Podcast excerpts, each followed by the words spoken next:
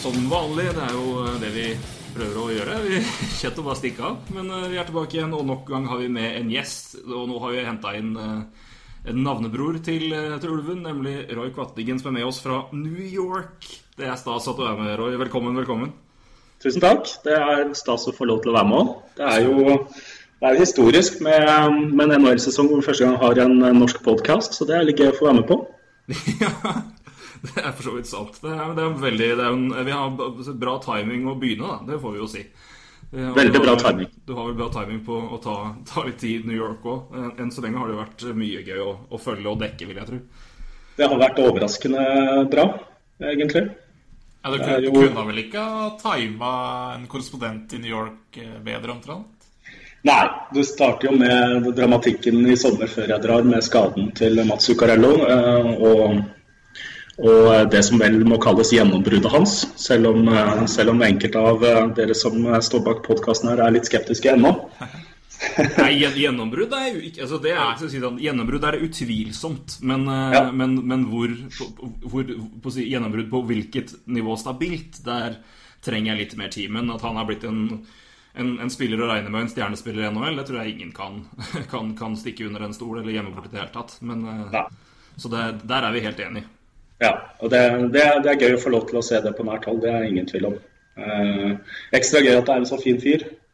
Eh, han er rett og slett eh, veldig veldig ålreit å, å jobbe med, som, eh, som ydmyk eh, og dyktig.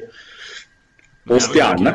Det er vel hockeysporten nå Det er jo kjent for det, at det er veldig sjelden Det er, det er sjelden douchebags det er snakk om. Det er veldig veldig interessant akkurat det der, faktisk. Og det skal vi jo prate mer om.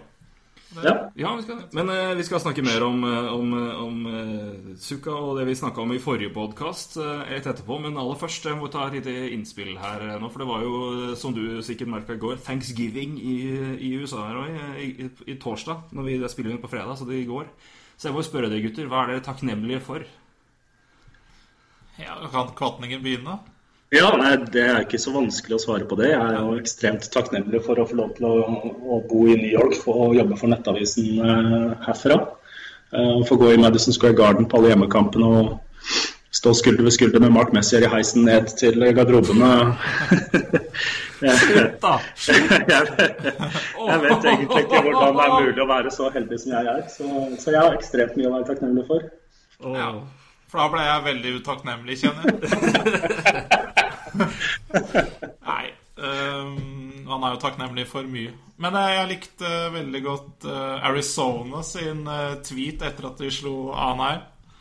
Duck today, turkey tomorrow.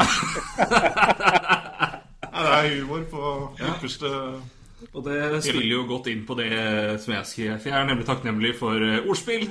Ja vel. Så jeg har et til dere gutter, selvfølgelig. Vi må jo starte i, i, på, i god, på, på, på, på god fot. Ja. Hva kaller man en, eh, en jagerdragning? Nei, det Her er blank. Ja, det er jeg også. Jeg gir opp å skjønne de der eh, ordspillene dine. Nei, det er en gammel vits. Jeg har brukt den før. Så, men det kalles selvfølgelig- en håndjager. En håndjager. oh, Ja. Ja, det, det, er mer, det, er, det er mer der det kommer fra. Men, nei, men vi, må, vi, Ja. vi skal kjøre i gang med, med litt seriøst snakk. Men eh, vi, vi skal gå som sagt, vi skal snakke litt mer om å følge litt opp praten sist. Men vi snakka ganske mye om både Rangers og Sukka. Men eh, vi har jo med oss en mann som ser Rangers og er Penguins-fan, så da passer det å ta en liten statusoppdatering og liten vurdering av Metropolitan Division. Så vi skal se litt nærmere på det etterpå. Vi skal selvfølgelig høre litt eh, mer fra hverdagen til, uh, til Roy rundt NHL, og hvordan det er sammenligna med andre ligaer, og, eh, og med tanke på åpenhet og litt så forskjellig. Og vi skal droppe hanskene og eh, ta, gå løs på et tema som ja vel alltid er aktuelt, nemlig NHL og, og slåssing og framtiden der, og hvor den, hvor den står nå.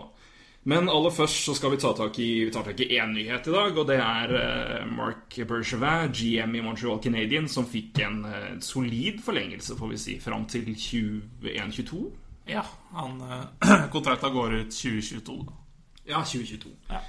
Og han har jo vært i klubben i tre sesonger. Det første han gjorde, var å velge uh, Galchenyuk third over. Ja, det gjorde han. Ja. Så jeg får vel spørre får være høflig å sende ballen til gjesten først, da, eh, Roy. Eh, Hva, hva syns vi om, eh, om, om Mark Bergevin og jobben han har gjort så langt? da, For å ta det først. Ja, jeg, jeg syns den er veldig imponerende.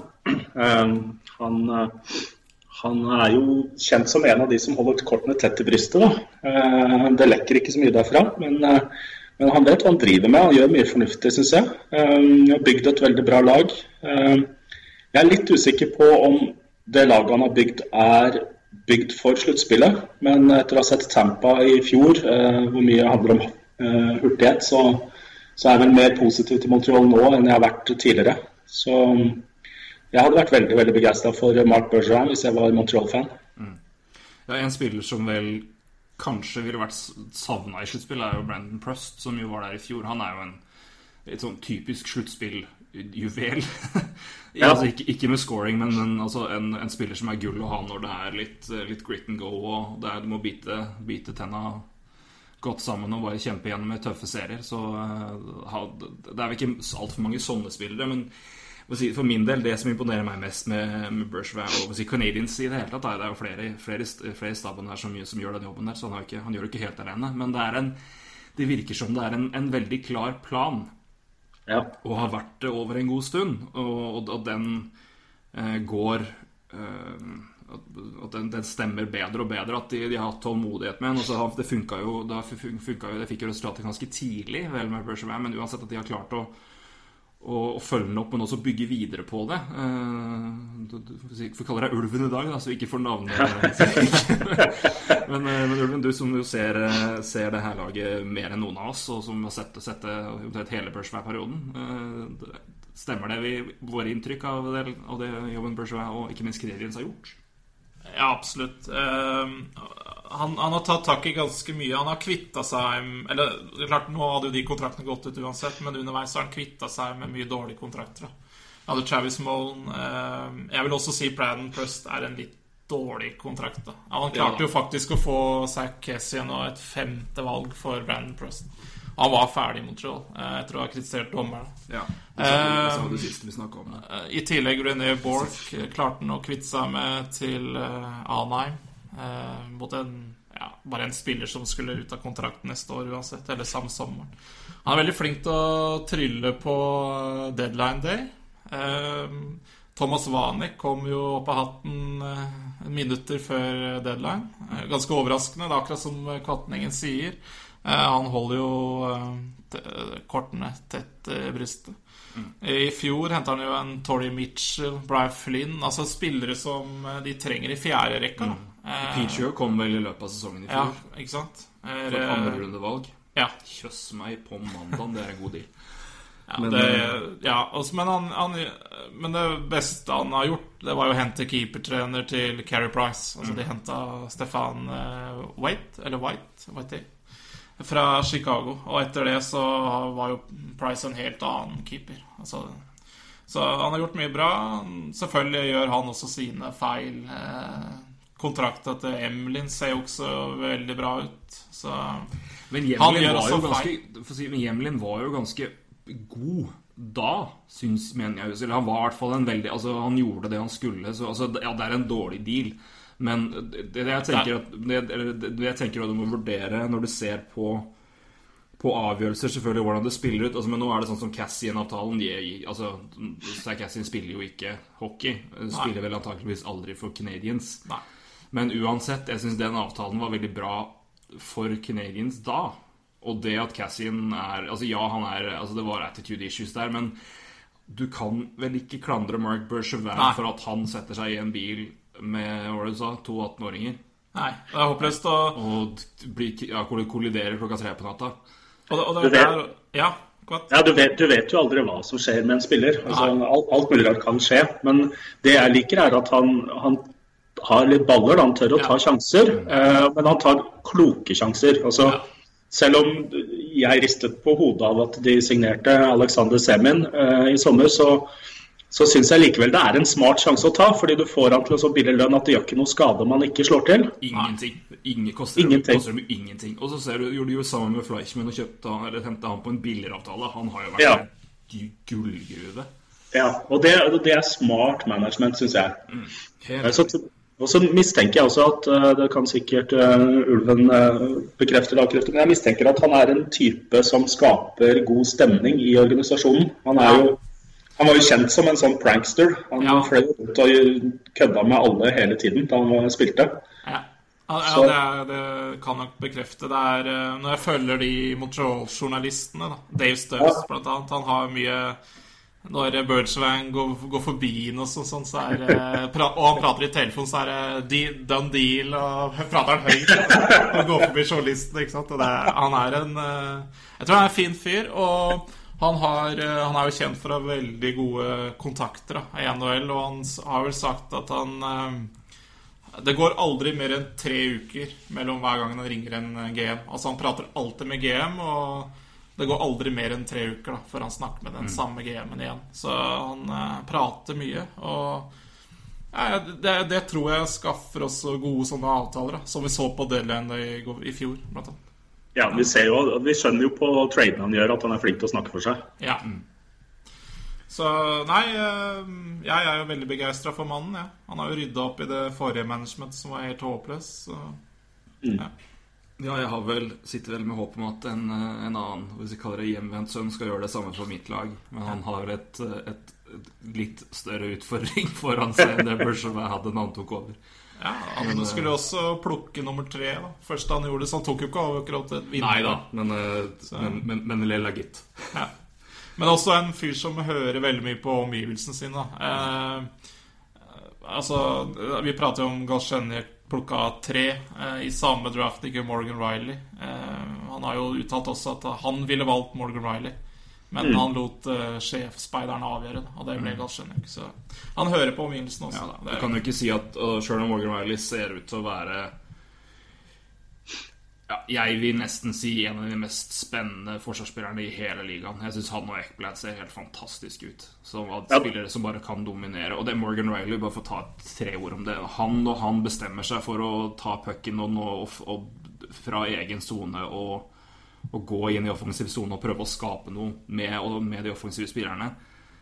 Det er som å se en fyr flyte på luft. Altså, han går altså på skøyter så flott, og det er så, det er så, det er så lite anstrengende, virker det som. Det så, og, og igjen et punkt òg. Altså, jeg, jeg følger jo Følger jo en, en, en livspodkast mye pga. han som driver den, er en fantastisk morsom og jævlig flink fyr. Men, og der, men han poengterer også hver gang uh, hvis, du, hvis man følger med på Leaves highlights, så ser når det er to mot én-situasjoner mot Leafs, og Morgan Riley er på isen, det er han som alltid er den ene som er i forsvar. Så han er jo Han får jo ikke alltid like god hjelp. Men, eh, men Galchenyuk er jo den fra den draften som har mest poeng. Ja, og så er det noe med Så det, er synes- ikke noe dårlig valg heller, selv om Riley har vært et fantastisk valg. Nei, og så er det noe med å, å skape eh, en lagfølelse i organisasjonen din. da. Selv om jeg også ville valgt Morgan Riley først eh, nå i etter, etterpåklokskapen sånn, så, så får du jo med deg hele organisasjonen. Du får jo, speiderne får jo, føler jo et større eierskap til det når, når de blir hørt på. Eh, og det tror jeg på lang sikt eh, er minst like viktig som å få en spiller som er på, på nivå, et nivå som er kanskje et ørlite hakk over en annen. da. Og det er jo litt det vi snakker om litt, litt asset management. sånt Altså Montreal trenger i dag en senter, ikke en uh, back. Så Ja, sånn sett så kan man jo ikke si at de valgte feil uansett. Nei, Og, nei. ehm, nei, Ja, du mener- det- ja. Du mener Montreal har gode backer? ja. Det, definitivt. Jeg skulle bare, skulle bare se om det gikk an å hisse deg opp litt. Ja, ja nei, du, du, får sikkert hissa meg opp, men uh, Nei, de har Det er vel ikke fantastiske de backer. har det. Ja, de har det. Og det er, eh, men det en ting det blir veldig spennende å se på. To, to kjappe poeng før vi hopper videre. Vi må passe litt på tid. Ja. Det er noen som skal på vakt i kveld.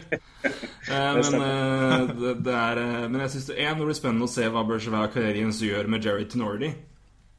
Ja. Nå er jo han nede i, i AHL og har spilt en kamp. Altså De eh, turte vel ikke å sende lenge jo ikke å sende ned, men nå kom han jo ned. Men det, han må jo være en, en asset som det må være mulig å få, å få, eh, å, å få trada vekk til noen interessante lag. Men jeg synes det også er spennende å, å ta med For jeg tenker at her må, her må jo Bergevin få litt æren. Eh, Den, de justeringene som Michel Terrien har gjort som trener. Ja. Og ty som har tydeligvis uh, gjort de sagt, Han har ikke justert mye, men han har endra på de nødvendige 5 da, som har gjort at Canadiens har tydeligvis blitt Eller har blitt et så langt i hvert fall mye bedre possession-lag. Altså De er mye mer, er mye mer eh, solide overall.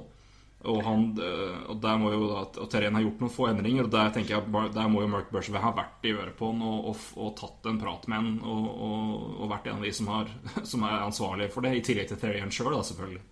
Ja, altså, Terrien kjenner jeg jo godt, for han var jo i Pittsburgh eh, en hardhaus av en trener. Men eh, for meg så fikk han fremstå som en som hadde lyst til, som hadde ambisjoner som har lyst til å bli en bedre coach. Så etter at han fikk sparken i Pittsburgh, så tror jeg han har brukt mye tid på å evaluere seg selv og den jobben han har gjort, og gjort noen justeringer.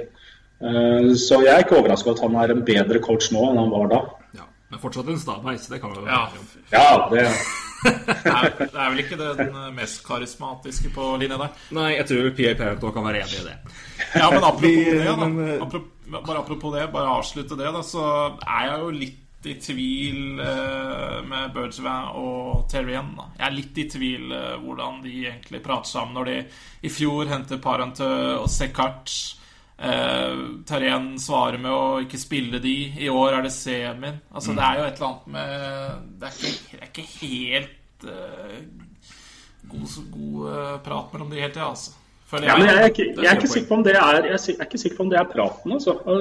Se på semien. Uh, Ja. Tror du ikke, tror du ikke Terjen kan ha vært enig i at ok, han koster ingenting, la oss ta en sjanse. Hvis han ikke spiller sånn som jeg vil, hvis han ikke ser at dette er den eneste måten han kan redde karrieren sin i NHL på, så vil jeg være å bruke han. Hvis han gjør det, så har vi gjort et kupp.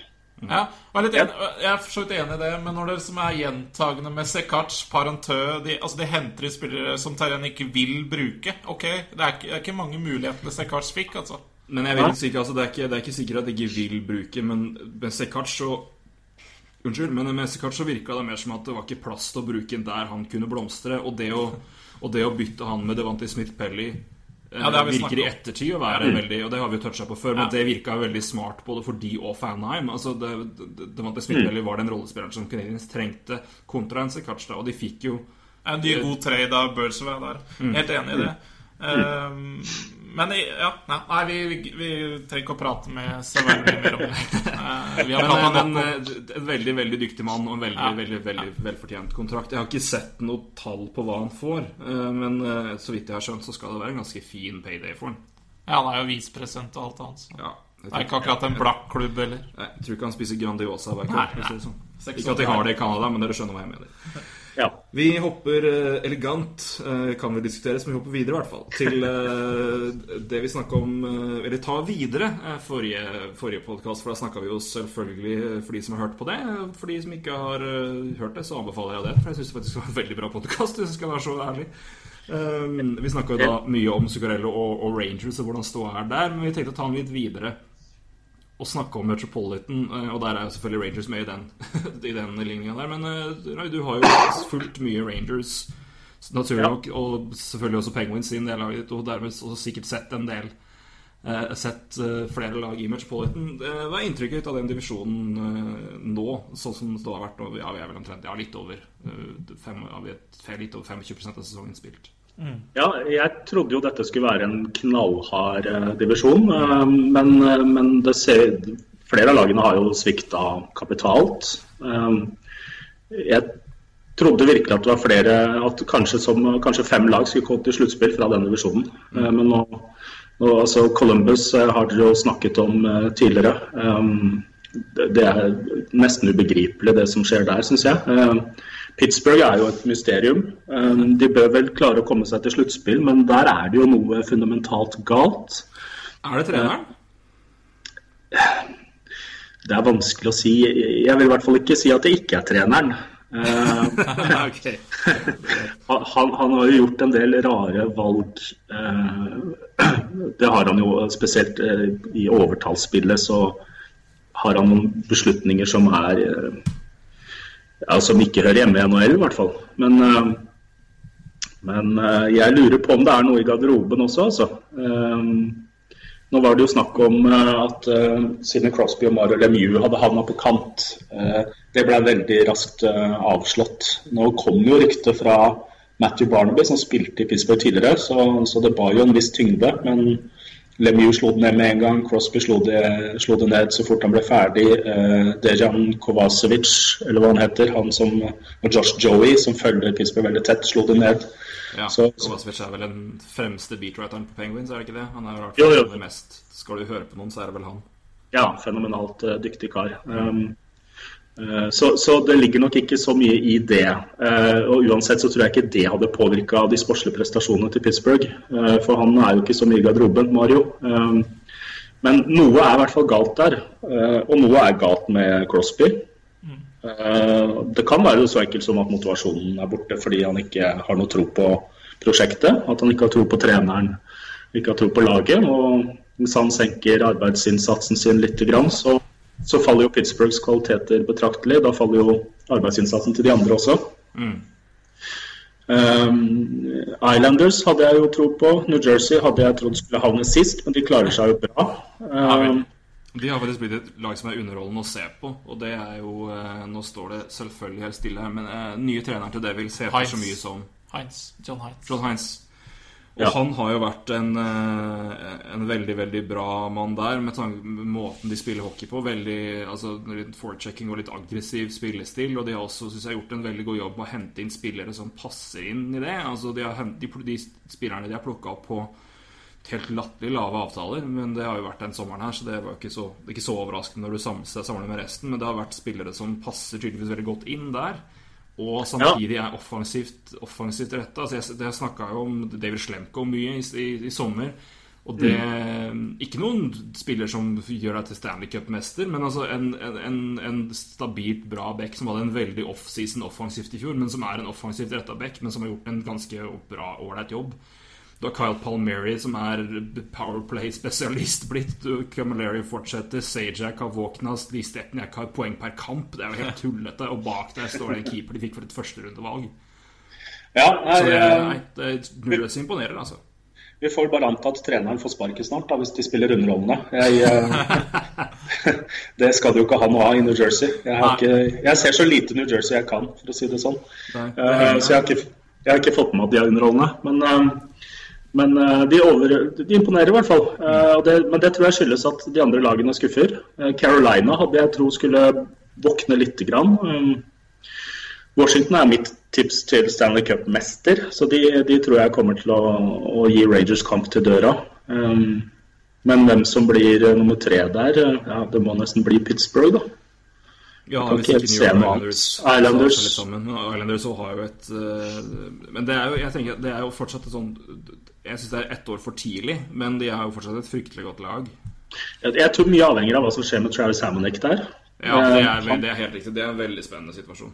Ja, han er jo en strålende back eh, som ønsker seg hjem til Manitoba. Um, nå har han jo sagt at han er villig til å spille der ut sesongen, og han er veldig takknemlig for at Erlendsen hører på, på hans familiære behov. Uh, men, men det er jo ikke en enkel situasjon å erstatte en så god spiller med en like god spiller. Han har jo kjempekontrakt, da. Han har, Ja, Fantastisk kontrakt. Han, han tror han har signert på. Han har gått under 4 millioner og fram til 2020. Og det er Ja. en, en potensiell, i hvert fall i ganske mange lag, first pairing. Ja, som i tillegg er som en right-handed shot. Det er jo en verdi bak der. ja, så det Ja. er jo ikke noe rart eh, Garth Snow vil ha tilbake mest mulig for det. Den gode kontrakten. Så Nei, Det er ikke mange backer som er eh, så mye bedre, egentlig. Han, han gjør jo alt. Han kan spille i powerplay, han. Ja. Han er knallbra defensivt. Han, ja.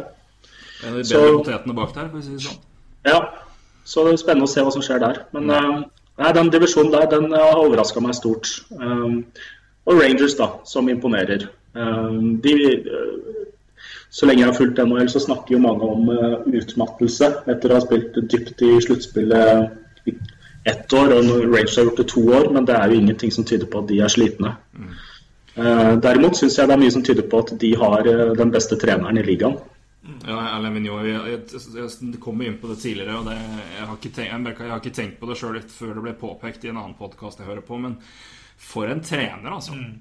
Fantastisk trener. Den recorden han har eh, fra 2000 og egentlig fra, fra Vancouver-tida og til nå helt ja. spinnvilt eh, bra. Så, men, eh, men, som glemmes litt iblant, kanskje. Det, men en fantastisk trener. Jeg er helt enig med deg. Ja. Han, han, han, virker så stødig også. Han er så profesjonell i alt han gjør. Uh, han har pressekonferanse med journalistene før hver eneste kamp, og han har det etter hver eneste kamp. Uh, han overlater garderoben veldig mye til spillerne. Uh, I tillegg så er det jo ingen tvil om at han liker hurtighet. Og det tror jeg du trenger i, i dagens NHL. Um, San Jose og St. Louis har jo prøvd på andre måter. Anheim har jo lykkes litt, men uh, Tampa Bay og Montreal og, og, sånt, og Rangers viser jo hvor viktig hurtighet er nå. Ja da, men det, du må selvfølgelig ha det kombinert med kvalitet. Og der har jo Rangers i hvert fall offensivt en dybde som er veldig veldig solid. Altså De har jo ja. uh, Du ser jo det med tredje, tredje rekka der og har jo bidratt med, med veldig mye mer offensivt enn det man kanskje kunne ja, håper på. ja, ja, jeg tror Oskar Lindberg er en slags nøkkel. Ja, altså. Hvis, uh, det, det, ser, det, ser, ut som han på en måte har uh, tatt det, det, det skrittet da, som, uh, som, som, ikke alle klarer å ta. han er en fryktelig god ishockeyspiller. så når vi kommer til sluttspillet, hvis han fortsatt klarer å levere da, sammen med JT Miller eller Kevin Hayes eller hvem det, hvem det blir um, så kan det være utslagsgivende. altså. Mm. For, for fjerderekka er jo god. Dominic Moore er jo en strålende fjerderekkespiller å ha i et sluttspill. Absolutt. Det er litt min Jeg nevnte det jo til deg før podkasten, men jeg mener jo fjerderekkespillere er en ekstremt undervurdert viktig del av et hockeylag, og blitt det nå. Eh, ja. Mer og mer, og det har jo en sammenheng med det vi skal snakke om helt til slutt, nemlig slåssing. Men eh, at du har fått flere og flere rollespillere der inne, og det å ha en en produktiv og god fjerderekke som samtidig kan lage litt helvete hvis jeg skulle ha behov for det, er så det er eh, Jeg syns i hvert fall det er et utrolig undervurdert og veldig, veldig bra eh, asset å ha. Eh, kan ikke du Gidder du bare ta en telefon til Pittsburgh og informere dem om dette? Jeg skulle, jeg skulle, gjerne gjort det, men jeg, må, jeg, jeg vil ikke, for jeg har Philadelphia Fairs-fans. Så jeg setter pris på at dere ikke har fjerderekke og knapt har hatt det. Så jeg kan gjerne fortsette med det. Da blir jeg veldig veldig happy. Det er sånn, det er sånn, jeg trenger de lyspunktene jeg kan få i hverdagen akkurat nå. Så, men et, et kort punkt til om Rangers. Eh, for det er jo vi kan, vi, Mats Zuccarello har selvfølgelig hatt en strålende sesong, men uh, den beste spilleren på det laget der, og den beste spilleren så langt i år, er vel utvilsomt Henrik Lundqvist. Ja. uh, men det jeg skulle, jeg skulle spørre deg om, du som ser laget der og, og ser dem live, hvor du kanskje ser litt mer detaljer og plukker opp litt mer ting enn man gjør når man ser det fra, på TV-skjermen. For all del, vi får vel med oss ting, vi òg. Men hvor mye av defensive problemer og personlige feil dekker han over akkurat nå? Ikke så voldsomt mye, syns jeg. Uh, altså, han har jo hatt en del uh, sinnssyke redninger. Uh, spesielt den første måneden hadde han det. og Det kommer jo som regel av, at, av defensive feil. da. Så, så, han har jo dekka over en god del. Um, men jeg liker bekkene til Rangers mer enn de fleste, tror jeg. Jeg syns de er nokså solide defensivt. Dan Boyle er jo en katastrofe. Men men det skyldes jo alder. Eh, dette blir definitivt den siste sesongen hans.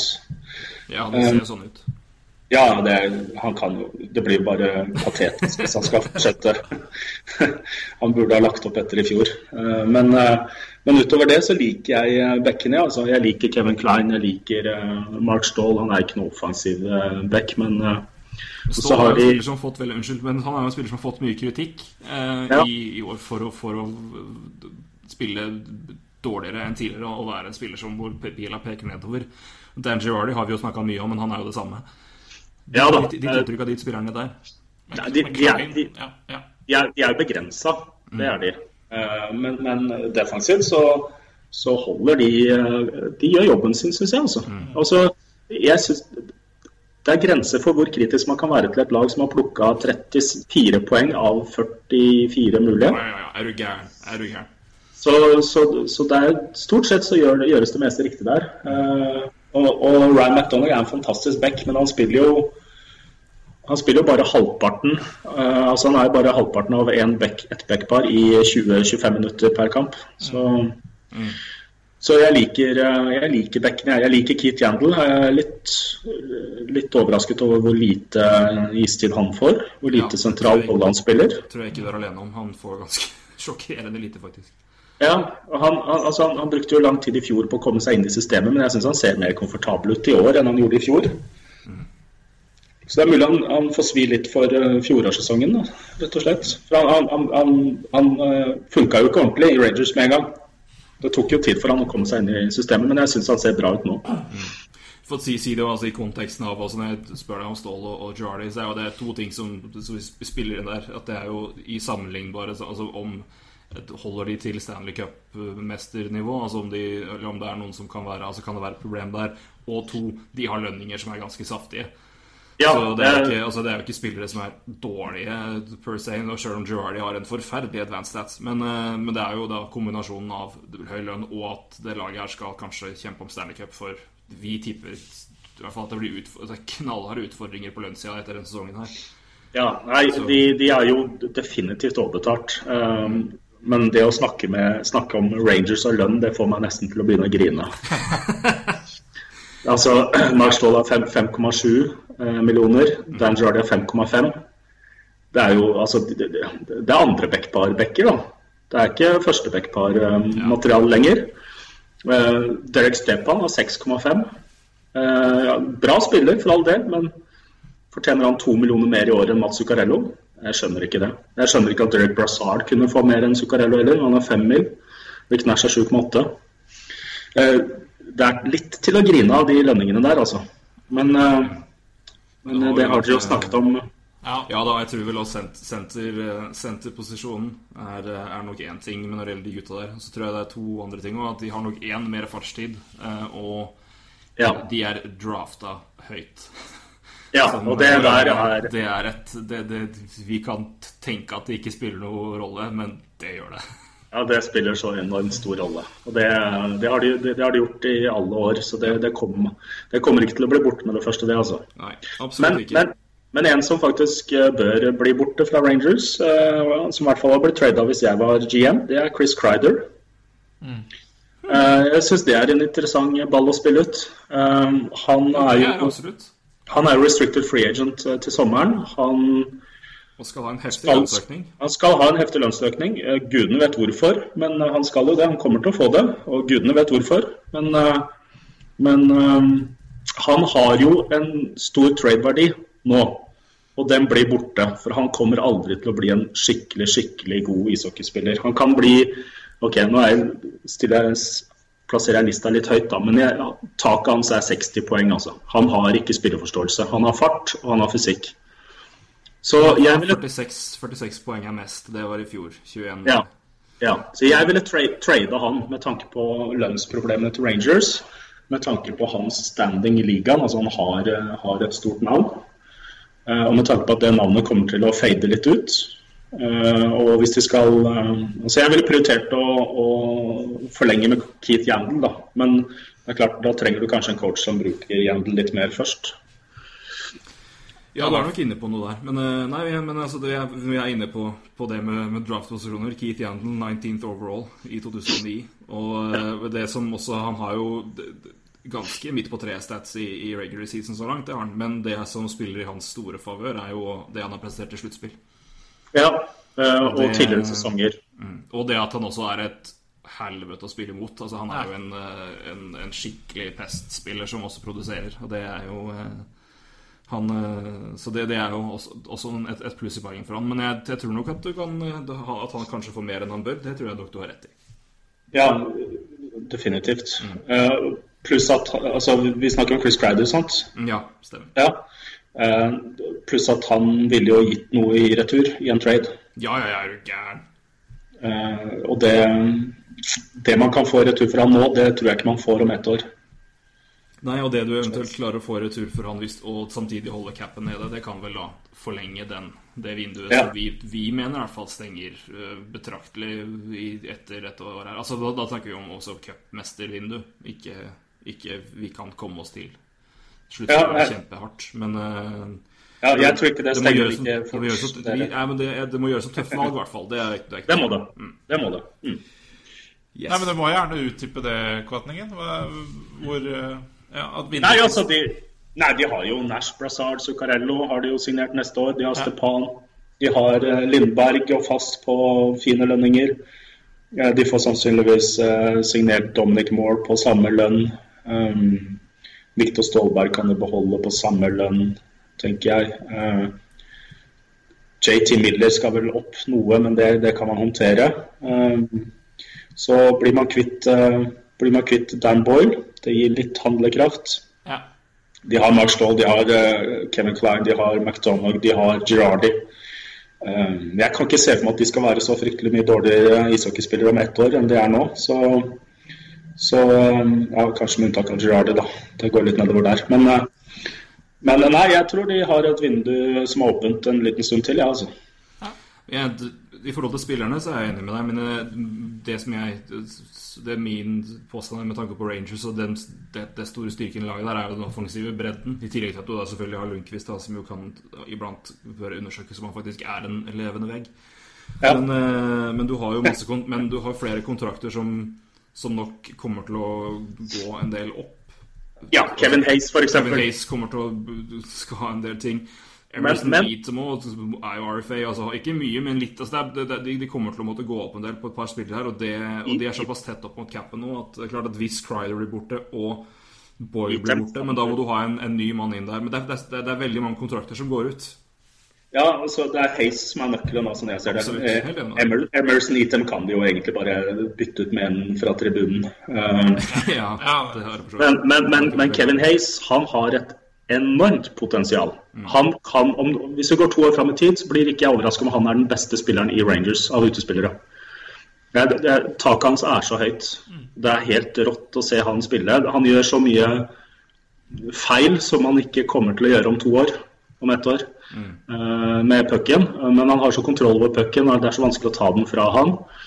Bra håndleddskudd, som eh, han skåra nylig med håndleddskudd fra blålinja. Eh, han, han har en spilleforståelse som ikke er så fryktelig langt unna Zuccarellos. Han er på en måte den eneste andre på laget som kan slå de pasningene som, eh, som overrasker eh, både med- og motspillere mm. innimellom. Så, så han er jeg spent på framtiden til. Eh, Så hvis, hvis de får han for en fire millioner i året, så ville jeg signert han så lang ja, I hvert fall en femårskontrakt. Ja, Så er spørsmålet om han da vil, vil gå på en lang avtale, eller om han vil ha en bridge deal. Men det, det får vi nå se. Men det, er, eh, det, må, det må gjøres noen valg, i hvert fall. Det er uten tvil. Men, eh, Ja. Ja.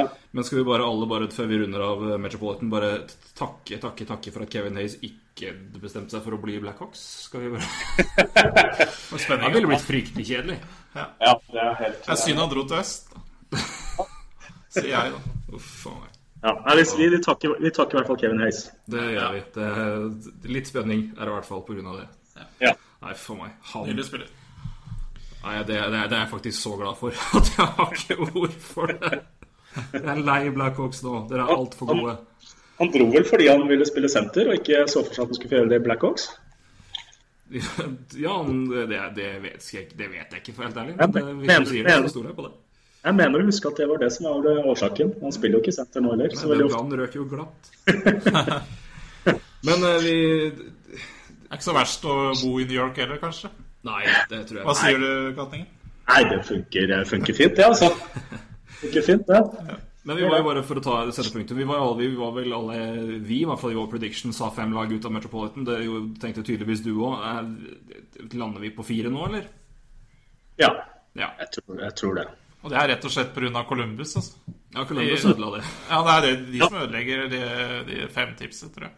Ja. Ellers er jo de fire andre klare, da, så må jo Ja, det, det ser jo ut som det blir Devils, men det er jo helt sjukt at de skal spille Nei, det gjør de jo ikke. Nei, de kommer ikke til å spille. Er? Nei, det blir fire, vet du. Det blir fire. Ja. Det veit vi. Yep. Apropos det å bo i New York. Vi må jo høre med mannen som jo bor der, og ikke minst dekker hockey der. Én, eh, faen ta deg. Heldig. Eh, to, eh, fortell litt om eh, om bare ja, opplegget rundt det, og det å være en del av det mediesirkuset rundt NHL og, og, få tilgang til Om tilgangen i det hele tatt. Hvordan, hvordan er erfaringen eh, med, med å være der? Nei, Det er jo eh, det er veldig profesjonelt på alle områder. Eh, når man først får ordna det var litt vanskelig i starten, men når man først fått gjort det og vært der, så går det, går det veldig raskt på, på, mail. Jeg sender mail til ligaen, ikke til Rangers. Og så får jeg akkreditert meg for inntil fem kamper av gangen. Så det, det, går, det går, ganske fint og, og radig. Så kommer man til Madison Square Garden, så er alt bare på stell hele tiden. Da. Jeg, jeg, liker å være der en time før, før, start. Eh, jeg prøver jo å skrive grunnmuren i sakene før kampen begynner. Sånn at, eh, for Jeg prøver å publisere idet kampene er ferdig. Så, så, mye av kampene går faktisk med til å sitte og skrive. Um, men, eh, men, alt er på stell hele tiden, da. Um, det er eh, Du får mat før kamp som journalist, som du rett nok må betale litt for. 8 dollar eller noe sånt, men da får du ordentlig mat. Eh, oh, det, og så er det pressetreff med, med Vignot før kamp. Eh, det er ofte såpass tidlig at jeg, jeg har ikke fått med meg de ennå, men, eh, men, muligheten er der. Um, Uh, og så når, når, det er kamp, så, så, er jo det er veldig mye tilskuere der. De beste eller De viktigste journalistene de sitter eh, midt på isen eh, oppe i tiende etasje og ser, eh, har best utsikt. Pat Leonard, Andrew Gross, Larry Brooks og de gutta der. Mens, mens, vi som er fra andre land og litt sånn mindre radiostasjoner og sånt, vi sitter ute på sidene, da. Så jeg sitter på, jeg sitter på høyde med målet, ene målet god utsikt. Har en TV-skjerm med sendinga til med Sam Rosen og John Micheletti som jeg pleier å høre på mens jeg ser kampen. Sitter ofte sammen med andre norske, svenske journalister. Uh, og så er jo litt stas da, for en som har fulgt NHL i 20 år, å sitte sammen med GMs og speidere og alt mulig. Sånn type går på toalettet, så står jeg og vasker hendene sammen med Ray Shero, som ledet mitt favorittlag til Stanley Cup-seier. jeg tror da som sier takk for Stanley Cup. Uh, nei, jeg er veldig veldig bevisst på at jeg ikke er fan. Uh, du har lyst? Men, ja, det er klart det. det jo, er du gæren. Men uh, men det er jo faktisk så, det er veldig profesjonelt. Altså, hvis ja. jeg som journalist hadde bedt om autografen til spiller, så hadde jeg mistet akkrediteringen. Ja, ja, eh, det... sånn, sånn, må det være, syns jeg. Men, men, det er klart, når du har, når du har fulgt NHL i 20 år da, og, og, står i heisen ned til garderobene og faktisk står fysisk skulder til skulder inntil Mark Messier, så er jo det litt sånn Jøss, yes, faen, hva har jeg gjort riktig her i livet? Um, og Lou Lamoriello går forbi meg og sier hei når eh, vi går i gang igjen. Um, Keeper-trenerlegenden Benoit Allaire, eh, han er der hele tiden. Um, så er det jo sånn liste som henger på veggen med hvem som sitter hvor. og Der ser man jo hvilke speidere som er uh, Nå sist kamp så var det vel en speider uh, ja, Det var tre klubber som hadde speidere der sist. Jeg husker jeg faktisk ikke hvem, så jeg tør ikke å si det i tilfelle jeg sier feil. Men men du, du har oversikt over det, da. Så Der eh, så man, ser man f.eks. at Miroslav Shatan og Ralph Kruger fra Team World var til stede. Mm. Så fikk jeg, fikk jeg, en prat med dem. Um, og så eh, Det som jeg syns er mest interessant, er jo etterkamp. Da, da er det heisen ned i femte etasje, som er is, isnivået, um, og inn i garderobene. Og da, da, da slipper alle journalistene inn og kan snakke med hvilken som helst spiller man vil. Eh, og Det fører jo til at det blir skrevet saker om flere, en, en rekke spillere i begge lag. Um, mens da, hvis vi sammenligner med Tippeligaen, hvor de har stengt garderoben Det gjorde vel for en, omtrent da den TV-avtalen kom uh, med Seymour, på rundt den tiden der. Da er vel på tidlig 2000, er det ikke det? Ja, ca. ti år siden, tror jeg. Ja, jeg er dårlig på, på sånt. Men i hvert fall Da jeg startet som sportsjournalist, så kunne jeg gå inn i en hvilken som helst tippeligagarderobe og snakke med hvem, hvilken spiller jeg ville. Uh, og det, det, gjorde alle journalistene. og Ok, alle ville snakke med matchvinneren, og så fikk man gjort det, men så kunne man kanskje snakke med et par andre spillere, så hadde man tre saker som man kunne skrive derfra. Og man var sikker på at man hadde en sak som ikke var i noen andre aviser. Og Det førte jo til at det ble skrevet om flere spillere, og det førte til at Tippeligaen hadde flere profiler. For det er klart man trenger media med seg hvis man skal bygge profiler. Eh, det holder ikke bare at spillerne presterer på banen. Fansen må jo få vite litt om hva slags personer dette er, hva som er bakgrunn og sånne ting for at det skal bli profiler. Mm. Så det har jo blitt stengt i Norge fordi eh, ja, de som styrer i norsk fotball vel tenkte at eh, alt Premier League gjør er så veldig profesjonelt, så vi må herme etter dem. Um, så det begynte med Mixon, hvor nå alle journalistene står som en saueflokk og får snakke med fortsatt for så vidt de samme spillerne de vil, men alle journalistene hører alle intervjuene. Og da blir det den samme saken, det blir de samme sakene med færre spillere. Mm. Fordi hvis du har en god sak på gang, så tar du jo ikke den der når andre journalister kan høre det. Så det blir til at du kanskje dropper den saken eh, og tenker at du tar den senere, og så blir det ikke det nå. Så, så den profesjonaliteten, eh, der skulle jeg ønske norsk eh, norsk fotball da, kunne lære litt. Norsk ishockey er jo bedre på akkurat garderobebiten. Der er det en del andre utfordringer, men, men i NHL så er det sånn at du kan snakke med hvem du vil. Som i, eh, da Raiders spilte sist nå, så gikk jeg i, i Montreal-garderoben og snakket med kaptein Max Pacioretti. Um, I stedet for å snakke med Sukka, siden, eh, siden jeg regnet med at Zuccarello ikke var veldig pratsom etter 5-1-tapet. Men, uh, Den saken er for øvrig ute på nettavisen as we speak. Ja, du blir ja. uavhengig, så litt reklame får vi tillate oss. Fortell litt om den, hvorfor du intervjua Pacioretti, da. Jo, eh, Hva var det bakgrunnen for det? Nei, jeg, jeg, jeg, plukker jo opp mye ved å høre på Sam Rosen og John Micheletti. Ja. Mm, og, og de, de, har jo sendinger allerede før, før kampene. Kommentatorene til Rangers, da, får vi bare ja, poengtere, så alle, alle er klar over det. Ja, takk. Eh, og, og Sendingene deres starter jo tidlig, og jeg kan sitte og se dem på TV på arenaen. Det er en av grunnene til at jeg liker å være der tidlig. fordi de, de, med, de er dyktige journalister, de kommer med mye spennende. så Joe Micheletti fortalte at han har snakket med Max Pacioretti, uh, som vokste opp i Connecticut, i New Canaan. Det er halvannen time fra Manhattan.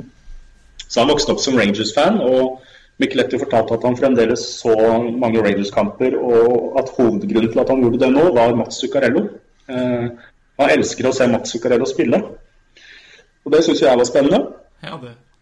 Så da, så da stakk jeg ned uh, i Montreal-garderoben. Første gang jeg var, vært i bortegarderoben, for du rekker som regel ikke begge deler. Nei. Det er store avstander selv inne i Madison Square Garden. Um, mm. Så da, ja, du, du, har vel ikke de ved siden av hverandre med tanke på tidligere historikk og ja, nei, nei, nei. hvordan ligaen var før? Nei, det er, eh, det er eh, ja, 100-200 meter å gå, i hvert fall. Ja. Gjennom litt folk og litt sånt. Så. Det er nok det beste. Ja. Men, men, trenger du å avtale noe med noen mediesjefer, eller bare går du rett patch rett ja. Nei, da, da står man står i Altså journalistene står i kø. Ja. Eh, først eh, før de blir sluppet inn. fordi treneren vil gjerne si noe til laget og sånt noe. Men det tar, det tar, ikke lang tid fra kampen er ferdig. altså Det tar ofte fem-ti minutter fra kampen er ferdig, maks, til du er inne i garderoben. Eh, og da kan du snakke med hvem du vil. Nå ble, nå ble, sluppet inn mens Pacioretty var opptatt i et TV-intervju, så han sto utenfor garderoben. Uh, så jeg ventet bare utenfor garderoben til han ble ledig. Ja. Uh, dermed så fikk jeg snakke med han mens han var på vei inn i garderoben. Så fikk jeg snakket med han et par minutter aleine. Uh, og det, det, er litt flaks, fordi når du er kaptein i, i Montreal Canadiens og du har slått, slått Rangers 5 igjen, så blir jo ikke kapteinen stående arbeidsledig i garderoben. Uh, så jeg fikk et par minutter med han. Han bekreftet jo det Micheletti sa i, på TV-sendinga, at han var stor fan av Zuccarello. elsker å se han spille, elsker å elsker å se på pasningene hans, dragningene hans. Eh, og han kjenner jo flere Rangers-spillere og, og syns at, at, eh, det mest største komplimentet egentlig en spiller kan få, ifølge Pacioretti, eh, er jo når spillere i laget ditt ønsker å være i samme rekke som deg. Og det fortalte han veldig mange av de offensive spillerne, altså Alle de offensive spillerne i Rangers som han har snakket med, ønsker å være på rekka til Zuccarello. Ja, ja. Det er ganske, det er litt stas. Det er kompliment. Det er forståelig, det. altså. Mm. det. Ja, og det, og det, det, passer jo veldig godt inn med noe jeg og en gjest har hatt tidligere, Sverre Krogh Sundbø, har snakket om i, i mange år. At, at, det er rart ingen i, i, USA legger merke til at hver gang, hver gang en spiller er i rekke med Zuccarello, så har den spilleren en god periode. Altså da, Chris Criders beste periode har vært når han spilt sammen med Zuccarello. Derek Stepans beste periode har vært når han spilt sammen med Zuccarello. Eh, det er rart ikke, ikke flere har sett det, da. Men spillerne har jo åpenbart sett det, siden alle ønsker å spille med Zuccarello. Så det, det, var litt artig, og da fikk jeg en uh, litt morsommere sak enn om jeg bare skulle uh, intervjuet Mats, uh, som hadde sagt at dette var uh, ræva og skuffende. og Nå får vi tenke på neste kamp. Mm. Ja, for det må jeg bare si For jeg, jeg, liker veldig godt vinklingen av sakene dine. Og da er det jo litt tydelig at den åpenheten har noe å si for det. Du, du har jo prata med Lindberg og ja. ja og diverse. Så du har jo veldig gode vinklinger hver gang, omtrent. Ja, takk for det. Det er veldig hyggelig å høre. Ja, det er litt tydelig Ja, da er det jo noe riktig som skjer der. Og det du påpeker av åpenheten, er viktig for gode vinklinger, eller gode, gode saker. Da. Absolutt. absolutt. Og det er ma mange dyktige journalister i Norge som kunne laget mye bedre stoff på norsk fotball ja. hvis de hadde blitt bedre, gitt bedre tilgang. Altså, Jeg, jeg intervjuet jo Miroslav Shatan uh, og Ralph Kruger som, som, er trener for Team World og sportsdirektør i Southampton. Ja, han, han, intervjuet jeg i pausen uh, i en kamp. Ja. Begge to var superhyggelige. Han tok seg god tid, eh, snakket med, med meg og en, eh, en uh, annen journalist, Scott Charles. Um, så det er en åpenhet som, som, gjør ting veldig mye enklere for journalister. Um, vi får jo mail fra Rangers uh, en gang i uka eller flere om, uh, med oppdatering om treningstider osv. Uh, det får jeg dessverre ikke så mye glede av siden jeg jobber som korrespondent og dekker alt. Og ikke bare ishockey. Men, men jeg, jeg, vet stort sett når og hvor de trener og kan dra på trening og, og snakke med spillere og få enda bedre tid. Ja, for der er åpenheten enda Der, der er det også veldig åpent på, på lagets egne treninger. Ja, etter trening så, så, får spillerne kanskje et par minutter til å gjøre seg klare, og så kommer en presse, pressemedarbeider bort og sier at nå kan dere gå inn i garderoben. Så kan man sitte der og snakke så mye man vil. Det, den som er vanskeligst, er Henrik Lundqvist. Eh, ikke fordi han er vanskelig, men fordi han er så stor stjerne. Mm. Så, og han, han vil ikke snakke med media med en gang, så han trenger noen minutter for seg sjøl. Ja. Alltid. Jeg prøvde, jeg prøvde meg så jeg prøvde meg som ung og, ung og fersk, så tenkte jeg faen, Henrik Lundqvist sitter jo aleine, må jeg gå bort og prøve. Og da blei jeg, eh, da, da ble jeg bjeffa til. Omtrent. Det, det, var jo sikkert ikke bjeffing, men det opplevdes litt sånn eh, fordi jeg ble liksom paff eh, da han sa kom tilbake om ti minutter. Ja. Men, men, det er visst en sånn greie han har, at han skal ha, ha fem-ti minutter før han før han vil snakke med journalister. Men når han først gjør det da, så kommer, kommer han pressesjef bort og sier nå kan dere snakke med Lundqvist, og så er det jo tjåka fullt med folk. Da står det jo 20 stykker rundt han hele tiden. Ja, men det er vel keepergreier, er det ikke det? det altså, jo, jo, det er det. De har mye mer rutiner og, og, og, ting de skal gjennom og, og, alt mulig, så det er vel Det overrasker meg ikke, egentlig. Nei, og så er det nok Han er jo en smart kar. Det er jo veldig intenst å være keeper i NHL og stå 60 minutter eh, sånn, så å ta noen minutter på å samle tankene og sånt, det er sikkert fornuftig, det, altså. Mm. Eh, jeg ser den. Eh, men jeg har litt lyst til å lage en litt sak på han òg, da. Det kan godt hende han kommer, men han har jo gjort mye endringer med utstyret sitt, som, som han gir mye av æren for den gode sesongen han har hatt. Han har skøyter som har mindre kåpe enn før. Uh, uten at jeg kan beskrive det som veldig detalj, men i hvert fall så har det gitt han større bevegelighet. Uh, er ikke det pga. at okay, det har jeg fått med, for jeg har selvfølgelig vært veldig mye diskusjoner om, ja. om keeperutstyr og større mål og antall mål og bladdy bladdy bluse. Uh, Altfor mye ting ut, som selvfølgelig alltid skal endres, fordi NHL må aldri, aldri, aldri være likt.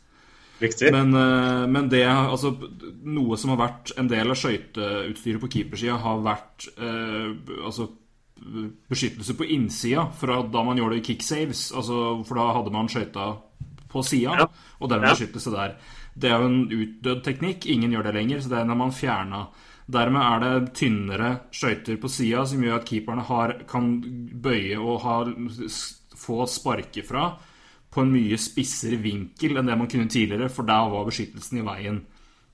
Ja, så nå, er... har, nå, har, man da en Man kan få sparke fra på en spissere vinkel, dermed er paden lavere på isen, og man har mindre luke enn før. Det er sikkert. Det er... Og, og Lundqvist ja. har gjort det. for han har, han har og I tillegg til det så har han begynt å slipe skøytene skarpere på innsida enn på utsida. Så han kan omtrent okay. ikke gå på skøyter og ta crossover, for da tryner han. Men Han er skarpere på innsida, for da får han sparka fra mye mer kraftig på, på Ja. Så det er, det, er mye sånne småting altså, som du ikke Ja. tenker på, men som Johan har tydeligvis vært fryktelig flink på. Ja, det er eh, Bauer vel som har, som har spesiallagd disse skøytene til han nå. Så enn så lenge så ja, når, Enn så lenge så er vel han den eneste i NHL eh, som bruker akkurat denne typen. Men det kommer nok eh, hos flere. Og så er jo eh, eh, disse leggskinnene hans er jo eh, et par kilo lettere, tror jeg. Å ja, det er jo et veldig interessant detalj. Ja. Så, så han mener at disse to tingene er det som er eh, hovedårsaken, eh, rett og slett. Og det, hvis det stemmer, så, så er det litt skremmende for andre lag. fordi i så fall så er det ikke sikkert at han kommer til å bli så mye dårligere utover sesongen. Og da, da er det jo vanskelig å slå det laget. Ja. det kan vi bare slå fast. Med mindre man er Montreal Canadiens, da. Ja, den mannen er eh, en fantastisk keeper. Eh, Kan jeg bare et kjapt spørsmål angående han? Er vi alle her enige med at den mannen hadde, Hvis han hadde lagt opp nå, hadde han vært Hall of Famer? Eller er vi Ja, jeg syns det. Jeg syns det. Husk på at han har jo eh, ja, Nå skal jeg ikke ta munnen for full, men han har da litt internasjonale meritter òg, har han ikke det? Han har OL-gull. Ja. Og han har 350 seire, har han vel? Eller er han på 349 fortsatt? Jeg tror det er 350 ja, nå. Og det er jo en barriere. Jeg nevnte det for jeg nevnte før òg. 350 er liksom fem, nesten sånn 500 mål. Hvis du har 350 seire, så er, så er det en viktig barriere. Det er få keepere som har det. Og se på tallet hans opp gjennom eh, Nei. Kan- han, For meg, uten tvil. Men eh, han har jo mange år igjen, så det kommer ikke til å bli Det kommer ikke til å være så mye tvil om at han kommer til å ha det der. Nei. Nei, det er ikke noe å lure på. Men det Nei, så- fantastisk mann. Ja, så, så men eh, eh, Ja. Livet som NHL-journalist. Du må skryte litt av maten også. Eh, jeg nevnte jo at man får mat før, før, før kamp, men i, i, altså, med en gang du kommer, så kan du gå og hente deg vann og popkorn og potetgull og pretzels. I pausene så kan du gå ned og få pølser, brød, litt kaker og litt sånn grønnsakssnacks og sånne ting, og noe å drikke. Du blir tatt veldig godt vare på hele veien, altså. Det er eh, Ja, det er, det, er, det, er, så gjennomprofesjonelt. Eh, Men det med åpenheten er det som interesserer meg. fordi der er jo NHL veldig bevisste på hva de driver med. Altså Bare se på hvor lett det er for bloggere og alt mulig å legge ut videoklipp fra, fra kampene. Ja. NHL skjønner jo at alt dette her øker interessen for produktet. Mens man i Norge prøver å begrense tilgangen mest mulig. Altså det, er jo, det er jo som om de ikke ønsker oppmerksomhet. Ja. Så et lite hjertesukk der. Ja, Ja, det med åpenhet med NHL er et veldig veldig godt poeng. Eh, Men et, et spørsmål til, for det er klart vi har jo begge dekka tippeliga, og men fra forskjellige steder. Jeg var jo i Sunnmørsposten og dekka det som da vi kaller det lokaljournalist. Og med et lag som ja, kanskje ikke var det mest innslutta, men du merka jo uansett at på visse områder var det Det, det, det, var, ikke, det var ikke alltid like åpent, naturlig nok. Men, eh, men du har jo dekka det som, eh, som, som riks, riksmedier, og da dekka kanskje større kamper og enkeltkamper. Men, men din erfaring fra, fra den, den delen der, og hvilket, hva slags forhold man får, og relasjon man får til spillere gjennom den ene, altså i den ene hverdagen, og den andre, da, som er mer åpen, hvor, man, hvor det er litt mer fritt, og man kan bare trampe inn i garderoben og snakke med folk og kanskje utveksle to ord med en man kanskje ikke intervjuer, men at man har i hvert fall muligheten til å bare å, å si hei. Eh, Ja. Hvor mye bedrer det, det miljøet og åpenheten der, bare den daglige relasjonen mellom, mellom journalister og spillere kontra det man gjør i kanskje litt mer lukka sammenhenger? Da? For det tenker jeg er ganske interessant, det òg. Ja, jeg syns det er veldig, veldig bra spørsmål. Eh, Det, det er klart, det har jo større rekkevidde. Altså det får flere konsekvenser enn at det bare blir flere artikler av det. Eh, eh, For det første, når, når ligaen har som policy å være åpen og, og samarbeide med media, så betyr jo det at alle, alle i ligaen, altså inkludert spillerne, forstår da at media har faktisk en jobb og en rolle. Så Du blir, jo møtt med en, helt annen respekt uh, enn i en liga hvor de tenker at media er uh, litt mer pest og en plage og noe man bare må leve med. Så, så blir du ikke møtt med respekt uh, av så mange spillere, syns jeg. da. Det er selvfølgelig mange hederlige unntak i Tippeligaen. Jeg kjenner mange tippeligaspillere som er eh, fantastisk eh, fine mennesker, men eh, jeg kjenner også ganske mange tippeligaspillere som jeg syns er ufordragelige svin, for å være helt ærlig. Og faktisk så er den der arrogansen til mange norske idrettsutøvere en av grunnene til at jeg stortrives med å jobbe med annet enn sport. Fordi jeg, jeg er 41 år, jeg orker ikke å gå rundt og være takknemlig til en 22-åring som gir meg en floskel av en klisjé og syns jeg skal være takknemlig for å få det. Det takler jeg, takler jeg ikke mer. Så, så den respekten blir jo en helt annen. Og det å kunne snakke med, snakke med en spiller off record er uvurderlig, fordi du får større innsikt og større forståelse uh, av arbeidsoppgavene deres, av hvordan de ser på ting. Du kan få, få vite, vite, ting om, om, spillere som er nyttige for å, for å lage bedre saker, da, rett og slett. Um, selv om man selvfølgelig alltid skal passe på at man ikke bruker noe som blir sagt off record, så, så kan du bruke det i den forstand at du skriver noe annet enn det du kanskje ellers ville gjort hvis du ikke hadde så mye informasjon. Ja, du får bedre input og bedre bakgrunnsinfo til å bygge opp under det du skriver. Altså, Selv om du ikke skriver det, så gir det deg bedre grunnlag for å, å være mer ja. presis og korrekt. Hvis, hvis, eh, et eksempel da, hvis en spiller har hatt et dødsfall i nær familie, men ikke ønsker å snakke om det, og så, så spiller han dårlig i noen kamper, så trenger jo ikke du som journalist å påpeke hvor ræva han har vært. Mens du kanskje, kanskje, ville gjort det hvis du ikke hadde den informasjonen. Et veldig enkelt eksempel. Ja, det er, det er et annet eksempel. Men en, en, annen ting veldig kort, for vi må, vi må passe litt på tida, og vi, må, vi skal dekke over et, et, tema jeg tror vi kommer til å ha mye meninger om etterpå. Men helt, helt til slutt, altså det, det, faktum at eh, tippeligaen og fotballen i Norge er så utvilsomt den største ligaen, Mm. Og at NHL på, i veldig mange arenaer, i hvert fall i USA, er posisjon 2-3, kanskje 4 i noen, eh, noen ligaer, og dermed ikke får altså Man har jo selvfølgelig mye medietrykk, men kanskje ikke like mye som et, eh, et NFL-lag eller et NBA-lag. Hvor mye tror du det har, har å si her? Altså hvor, og, og den, av si, den, den arrogansen og litt primadonna-nykkene man, man, iblant kan støtte på, da, vi får bare si det, men også, men også litt for åpenheten? Jeg tror, altså, jeg tror, nesten vi bare kan peke på NFL, ja, som er den største ligaen i, i USA. og der, der, finner du den arrogansen, og der finner du uh, spillere uten bakkekontakt. Um, så det er klart det har mye å si. Uh, ja, det er ha, at du finner. Ja, rett og slett. Mm.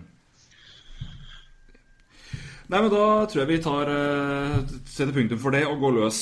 nå bretter jeg faktisk opp ermet her.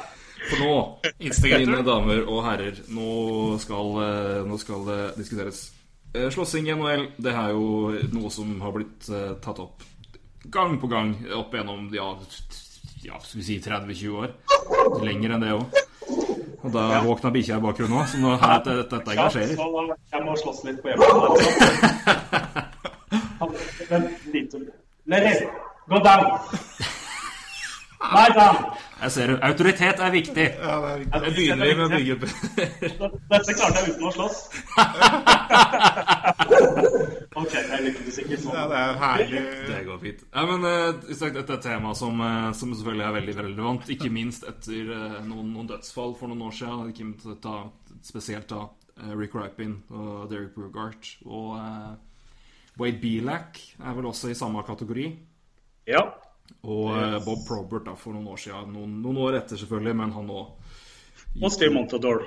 Steve Montador. Uh, må også tas med der. Uh, men uh, vi, vi, kan jo la igjen la gjesten få første, første innspill her. Ja. For du er jo Har jo vært en rimelig Det har ikke vært vanskelig å vite hva du mener om, om saken her. men du kan jo få lov til å bare si det igjen. Eh, ja. om dine tanker om, om, det her, da. Ja, eh, det, det, er, det er sjelden vanskelig å vite hva jeg vil. Jeg, jeg, mener, jeg holder jo aldri kjeft. Eh, men, men Nei, jeg er jo imot. Jeg syns slåssing er neandertalsk. Jeg syns argumentene for slåssing er svake.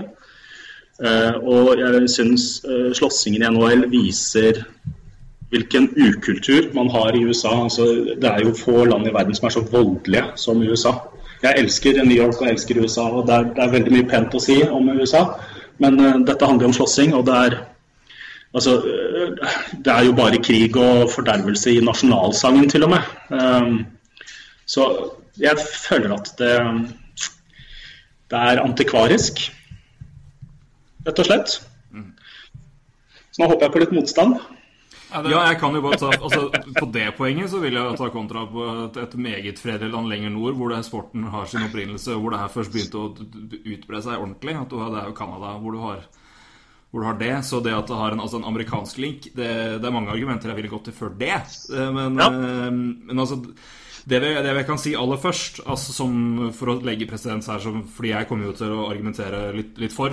Det er jo det Jeg, jeg mener jo det har en, har en plass til en viss grad, i hvert fall. Men eh, eh, noe vi ser som er på vei ut, og som er en utdøende art, og med, med rette Men jeg er jo den, den altså enforcer-rollen. Eh, den- Du kommer ikke til å få se en en Derek Brugart, en Bob Probert, en Dave Schultz igjen. Det er min påstand. At den, den type spiller er på vei ut, og den type spiller er en utdøende art.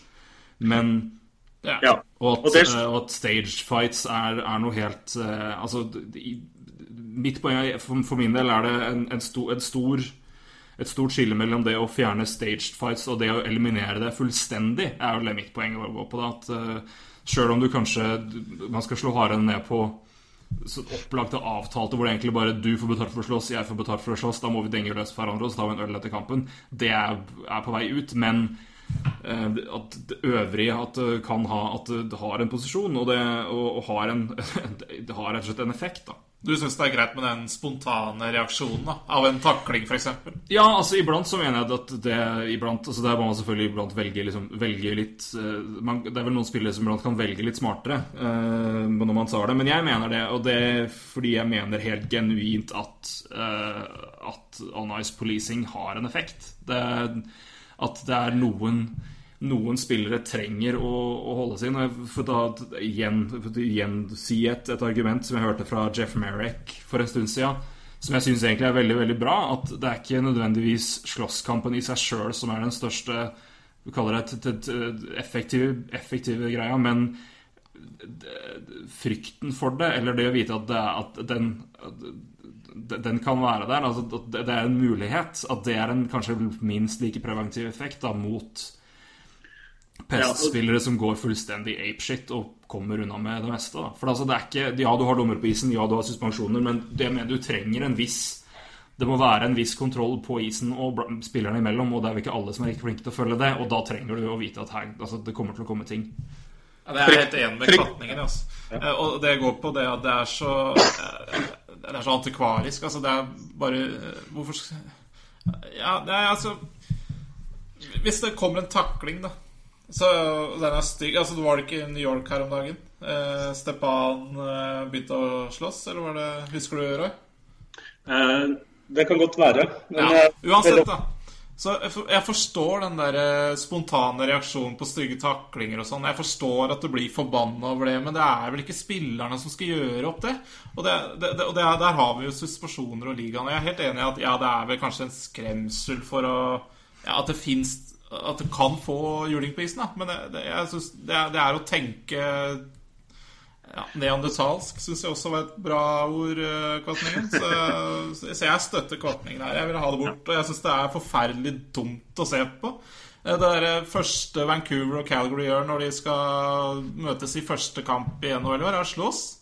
Ja, er, og, vi, hadde, jo en kamp med Pittsburgh Islanders for noen år siden også, som var jo en parodi av en ishockeykamp.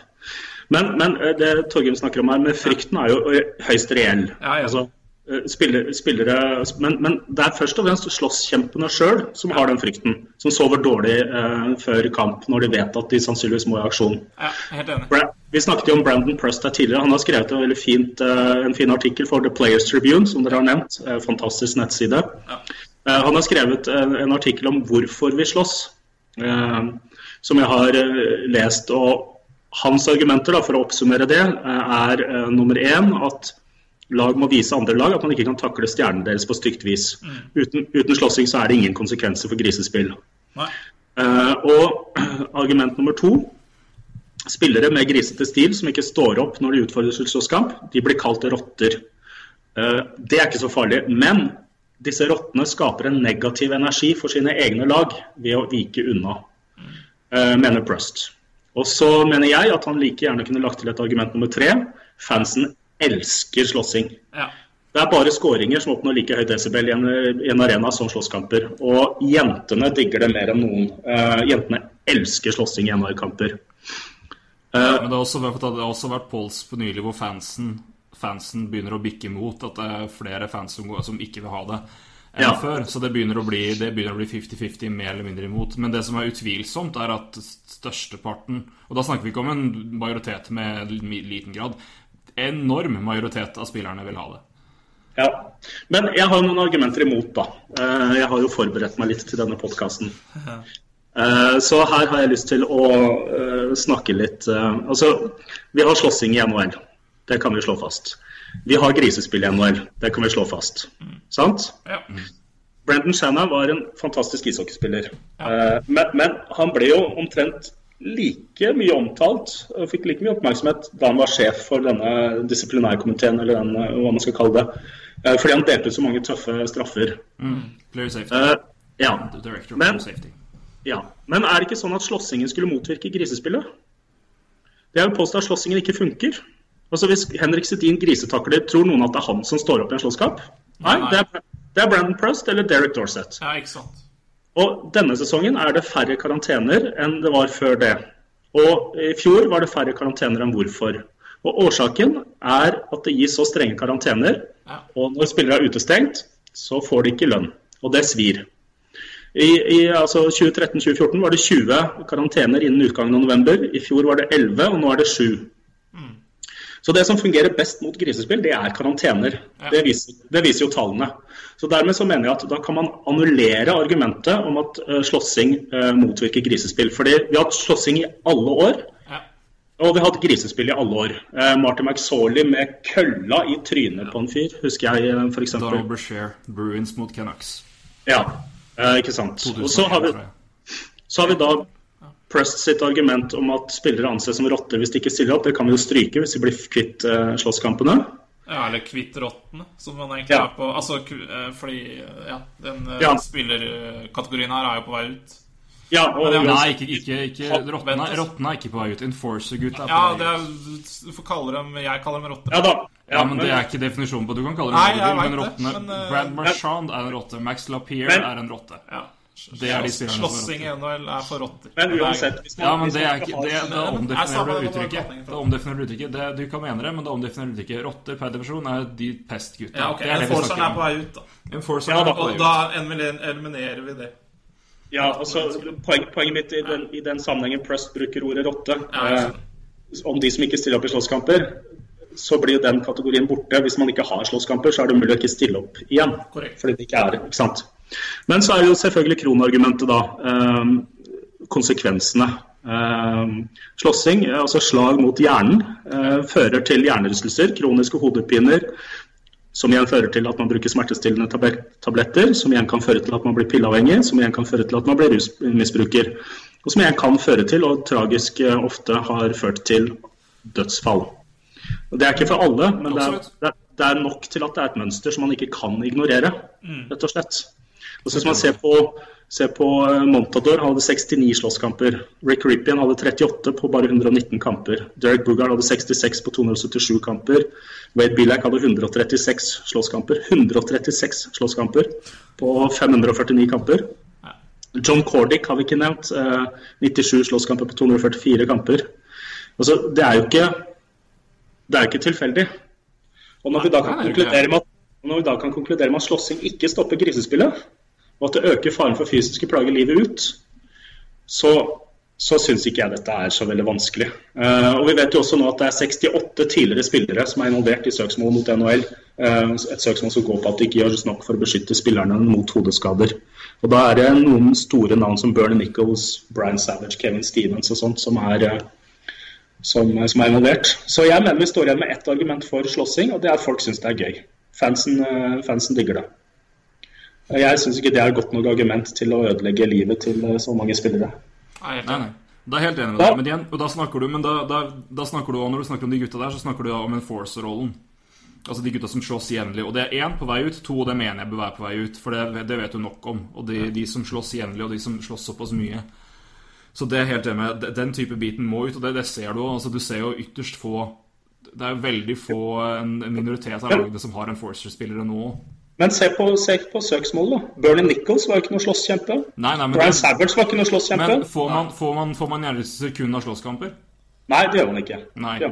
Så det går minst Men- like Det, går, det søksmålet tipper jeg og det går minst like mye på taklinger mot huet, hodeskader og bestraffning av det, og hva, hva ligaen visste om det. Og det har Ja, vi snakka om tidligere på podkast òg, hvor, har- hvor spillere har blitt sendt ut igjen på isen med hjernerystelser og ikke blitt beskytta mot seg sjøl. Så det Jeg er helt enig, Ja. det er veldig gode poenger, men det det henger sammen med flere, flere ting enn en slåsskamper òg. Men, Ja, men, men for å ta det, jo, en, en, Enforce-rollen er på vei bort, og den skal bort. Men Man kan jo ikke bare fjerne ett element som fører til eh, fysiske plager resten av livet. Du må jo fjerne alt. Hvis du vet at det er to ting som, som forårsaker det, så må du fjerne begge tingene. Ja, ja, men, igjen, men da, da kan du riktig ta vekk taklinger òg. Altså, da, da det altså, De har jo, de har jo korrigert det voldsomt. Um, de har slått ned på, på takling mot hodet, så det har blitt kraftig redusert. Ja, men kan du, kan, du, kan du eliminere det i hver eneste sammenheng? Og det er det, det er poeng at noe her Nei, men, på men du kan eliminere slåssing. Du kan det. Ja, så, i kan du det. så i og med at du ikke kan eliminere takling mot hodet 100 så må du jo i hvert fall eh, eliminere slåssing, som du kan eliminere 100 Sånn at de smellene man får mot hodet, ikke kanskje blir så mange at, eh, at man sliter resten av livet. Da.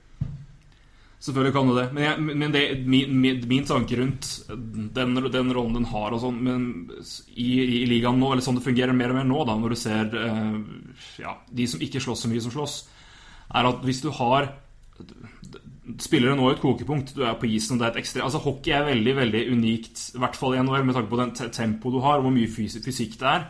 Og hvor ekstremt mye testosteron det er inni kroppen. Og, du er, og det er det også et annet poeng som jeg syns America gjorde, som er veldig bra. Du skal heller glemme at du er, du er innesperra med vegger, og du har en trekølle i hånda som brukes Ja. ganske heftig. Så det, koker, det, kommer et, det kommer til kokepunkter der. Og jeg tror iblant så er det faktisk Altså, jeg tror det, det kan skje ganske mye stygge incidenter. Og det at man har noe utløp for det iblant, er, tror jeg kan være en ok situasjon. Men, men jeg tror òg at slåssing er kommer til å bli borte. Det kommer til å bli borte. Ja, det, Men hvis du, men hvis du på et tidspunkt bare sier nå er det, nå er det ikke lov lenger, nå må dere, nå må dere slutte. Så du- Hvis du da eliminerer det ene så altså, jeg mener det, må, det må være en, jeg en det, må gå ned på andre punkter samtidig som de må slå mye mer Da må de samtidig slå mye mer ned på eh, sånn som eventuelt en, en, en Brad Marchand holder på, eller en Max Lapierre og de der. For, for det, det, det må henge sammen, tenker jeg. Ja, men det kan de jo fint gjøre. De kan jo fint gi karantener og sånt noe. Det, det, funker, jo, det funker jo. Det har jo Shannon har jo vist, vist det. Vi ser jo bare på antall suspensjoner som har gått ned. Det funker. Så det er klart man kan det. Det er akkurat som i fotball, så kan man bli kvitt holding hvis man ønsker det. Det er bare ingen som gidder å snakke om det. Man kan gi direkte rødt kort for all holding, så er det borte det i løpet av en måned. Og Det samme kan man gjøre her. Eh, Grisespill til Brad Marchand kan man bli kvitt hvis man ønsker det. Det handler bare om at man er villig til å innføre tiltak som funker. Og det er klart, Slåssing kan du bli kvitt over natta. Hvis du i stedet for å gi fem minutter gir ti kampers karantene, så, så tar det ikke så fryktelig lang tid. Fordi karantener, da får du ikke spillerne lønn. Og er det noe alle skjønner, så er det hvor mye penger som kommer inn på konto. Så det er mulig å gjøre grep her. Og jeg er helt overbevist om at slåssing blir borte, men jeg tror det kommer til å ta fryktelig lang tid. Men verden går jo alltid videre, så på et eller annet tidspunkt så kommer man til å se at eh, ja, ja, ok, eksempel, Hvis nå taper dette søksmålet, så kan det kanskje gå litt fortere. Jeg tror det er på vei ut, men jeg, jeg tenker altså jeg ser sammenheng, og det jeg, jeg ser i sammenheng med flere ting her, men jeg tenker altså når, når det er såpass mange altså Spillerne unisont vil ha det fortsatt. Da har det, da har det, altså det har en effekt. Det, eller det har i hvert fall én altså, Du får ikke eliminert altså Det effekt, har tydeligvis ikke effekt helt, som du sier. Altså, det, eliminerer det ikke helt.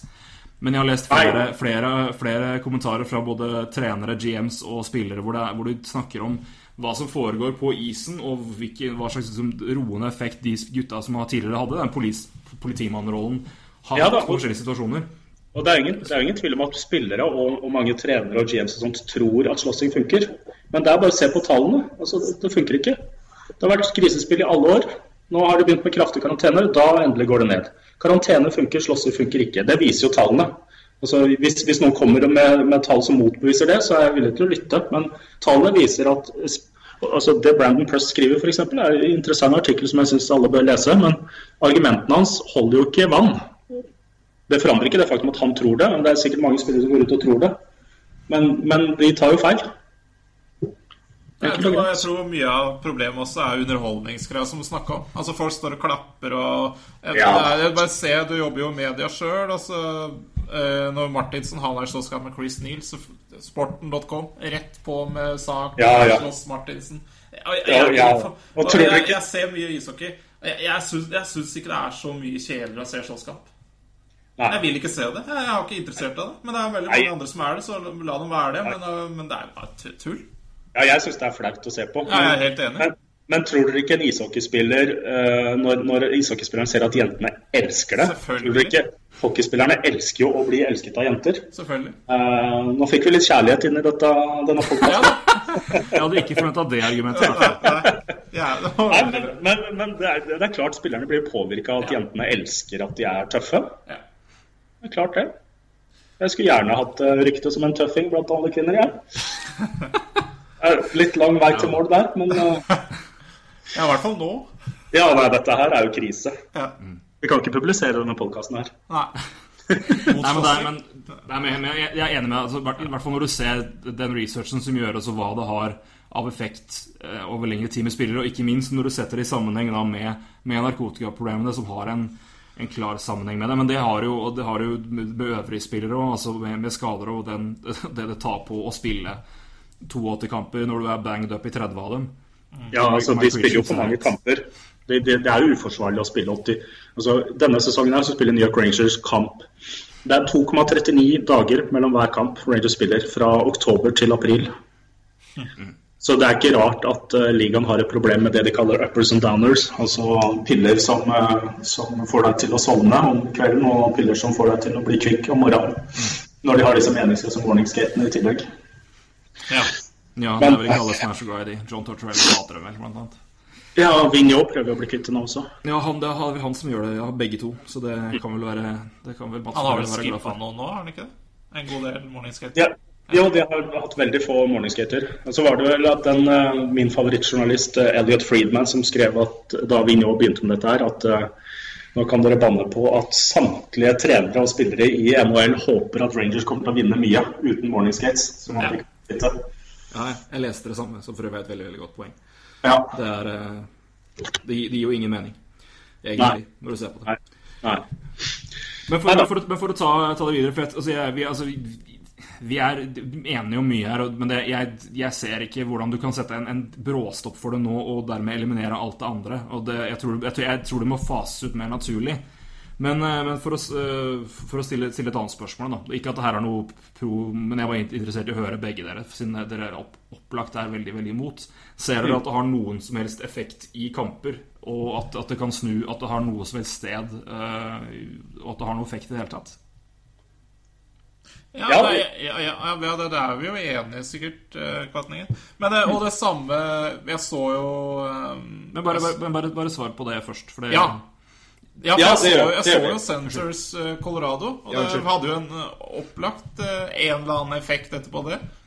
Men, men hvis, hvis slåssing er borte, så er jo ikke det noe ja, det, det er, altså, det er det noen andre grunner til at uh, du taper kamper eller kommer inn i kamper igjen. da Jeg synes det bare Ok, mulig det er en effekt, men få bort effekten, da. Hvis det er altså- slåsskamp det skal til, og en hjernerystelse på et 20 år gammelt talent skal til for at laget ditt skal begynne å stå opp, da får du faen meg finne noe annet å drive med. altså Ja, jeg er helt enig. Nei, det, det, altså, det, vi har jo sett mange tilfeller eh, på kamper som har snudd etter at uh, en, eh, en kar har gått i slåsskamp. og Da er det ofte en som ikke er vant til å slåss, som, som tar en slags offerrolle for å gi laget energi. Eh, og, og det har man jo sett en effekt av. Det, det, det er ingen tvil om det. Men Et opplagt eksempel for din del når det, når det er snakk om meg her, som du bør ta. Max Talbot Max Talbot. Ja, det stemmer. Det er akkurat han jeg hadde i tanken også. Eh, Det er liksom ikke en unnskyldning for at slåssing er der, da. Men jeg, Nei, men jeg nei, bare at altså, mitt poeng er at det, altså, det har faktisk, det har faktisk Ja, ja, en funksjon ja. i visse sammenhenger, og det har vært der såpass lenge. Og, Ja. og, og dermed er det vanskelig å dra det rett ut. Selvfølgelig Med de, de, de undersøkelser som gjøres nå, så er det opplagt at det må, det må reduseres og må tas ut. på en måte Og det ser du mer og mer, at, at trenere og GMs går vekk fra det. Eh, noen mer enn andre. Men at det fortsatt har en, en, at det har en, en, en, posisjon så lenge det er der, at det, at det kan ha en effekt på det. Og det er, Også bare som, hvordan, du, hvordan du ser henne. Bare se på eh, ikke, Det var jo ikke så mye ja, det var for slåssing der òg, men bare se hva, hva den delen av spillet har å si. I Vancouver Bruins-serien vant det beste laget den finaleserien i 2011. Nei. Nei. Det var Nei. Bruins punka Ja. jo Canucks Ja. fra første puckdrop til siste kamp. Ja. Ja. Så det Nei, er, ja. det Jeg er, liker det er elementer som ja, men Det er klart det er enkeltelementer inne her, men jeg bare tenker at den delen, den delen av, av spillet har fortsatt en, en ganske sentral rolle. Og jeg er helt enig med dere med at det, altså, det, det er mye studier som gjør at det, må- det må reduseres ned, men jeg tror det, det må tas over en periode. For hvis det ene forsvinner, så klarer du ikke og Det må være en klar plan med det, for det, det er så mye av jeg, jeg frykter at hvis du tar det vekk, så vil en Dan Carcillo som har spilt på lenge på Philadelphia, eller en, en Brad Marchand, eller en ja, Patrick Coletta tilbake der, eller en Max Lapierre, da bare få fritt fucking spillerom. Og det, Nei, men altså, mener, jeg, det du- mener jeg vil være mye mer ødeleggende for spillet Du kan, over ikke, du, kan, du kan ikke fjerne slåssing isolert. Nei, Det er jeg enig i. Det er jeg enig du, men du kan fjerne slåssing over natta, men da må du også innføre For det første så lengter jeg, og jeg tilbake til eh, 2006, eh, da, da dommerne faktisk dømte eh, ishockey, og ikke bare lot spillerne gjøre alt eh, som de ville. Men eh, hvis man går tilbake dit da, og faktisk tar for ting, så får du konsekvenser. Ja, sant? Eh, Sånn at du må jo innføre konsekvenser. Og det, og det kan du gjøre ved at du dømmer sånn som det står i regelboka at du skal dømme, eh, og ved å innføre karantener. Eh, Så det kan man jo gjøre. Men det er klart det har en effekt. Jeg bare tenker I det tilfellet Max for eksempel, var det Dan Carcillo han slåss mot da? Dan Carcillo. Ja, og det var jo åpenbart en tabbe av Dan Carcillo. Carcillo burde du aldri gått burde aldri gått karriere. den.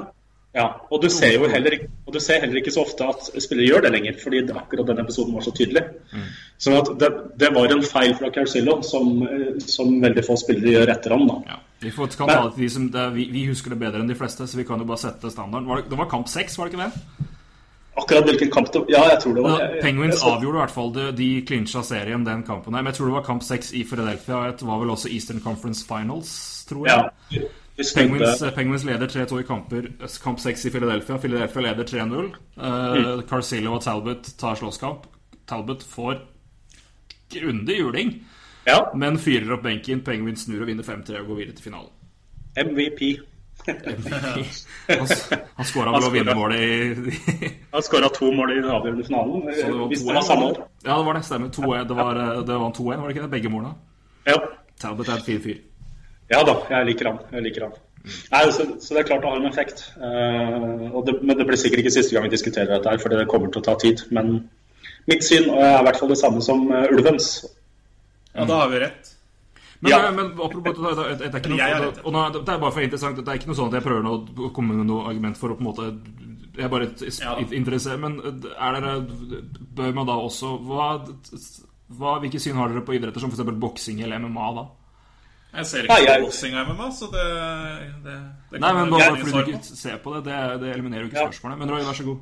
Ja, nei, eh, det, det blir jo det samme der. Altså, det er jo skadelig. Ja. Det, er, det er jo påvist at eh, du, du får eh, Hjernen tåler jo ikke så mye slag som man får i, får i de idrettene der. Så der går, man jo viten, eh, der går man jo vitende inn i idretten med tanke på at ok, livet mitt blir nok litt kortere og veldig redusert. Eh, Er det reinsdyr du da? er nå er det, julestemning i du har i stua der? Det er lett, lett som klødde litt, tror jeg. Men eh, nei, så jeg er ikke noen tilhenger av de sportene der. Og jeg syns det er eh, det er forbløffende at, at folk eh, faktisk med viten og vilje reduserer livskvaliteten og livene sine så kraftig som de gjør. Men, men de, de, går, de går inn i det med viten og vilje i større grad enn ishockeyspillere gjør. da. Men det er jo bare for at folk vil se på det og betale for det. Så tjener de jo penger Ja. på forkorta liv. Så ja. Ja.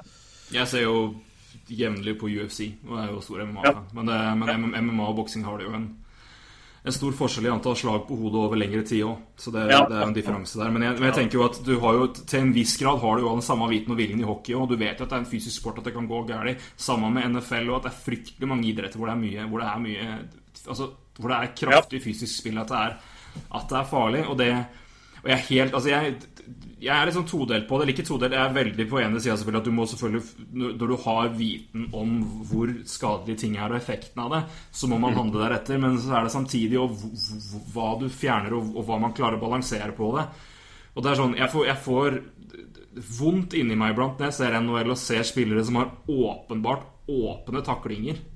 Du Ja. trenger ikke å drepe mannen og gå etter huet, men du kan, du kan gi den en skikkelig bodycheck, og man tør ikke lenger. Nei, De går ikke inn, de tar ikke taklinger, og det eliminerer så mye av det Ja. jeg mener hockey har, er veldig bra med hockey, og det er altså det fysiske spillet og det du kan få ut av det, og det duell og intensiteten du får gjennom det. Ja. Um, og det, det synes jeg, jeg jeg er helt enig i at det må tas knallharde grep for å, for å eliminere taklinger mot huet, for det var stygt en periode. Selvfølgelig er det det, men er, samtidig er det litt trist når du ser spillere som har åpna muligheter til å ta tøffe, faire taklinger, som bare ikke tør og ikke gjør det. Så det Ja, eh, jeg, jeg er ikke overraska over at du tenker sånn, og jeg skjønner det. Det er spektakulært å se noen bli Cronwall, som de sier. Mm.